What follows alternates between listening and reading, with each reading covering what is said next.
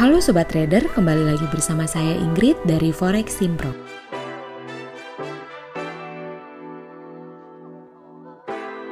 Hari ini kita akan membahas mengenai pengaruh durable goods yang artinya data barang tahan lama terhadap Forex.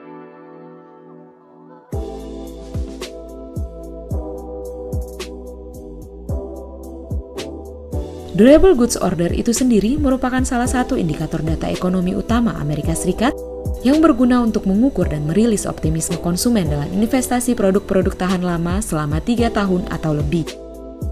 Adapun jenis barang seperti peralatan komputer, mesin industri, baja mentah, serta alat transportasi contohnya mobil, pesawat terbang, dan sebagainya, Durable Goods Orders merupakan indikator utama dari aktivitas manufaktur di Amerika Serikat dan laporan Durable Goods Order atau DGO yang dirilis setiap bulan oleh Biro Sensus Amerika Serikat tepatnya setiap tanggal 20. Asumsinya, jika ada peningkatan order yang berarti para produsen mampu menghasilkan produk lebih banyak barang, akibatnya pasar sering bergerak meskipun volatilitasnya tinggi.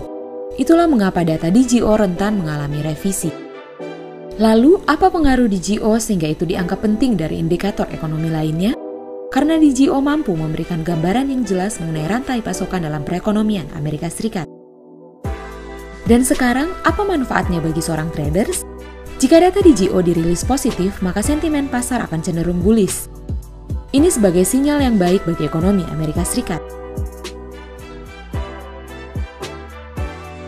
Secara tidak langsung, DGO terhadap dolar Amerika Serikat memiliki korelasi positif, walaupun tidak selalu dan tetap harus memperhatikan indikator lainnya.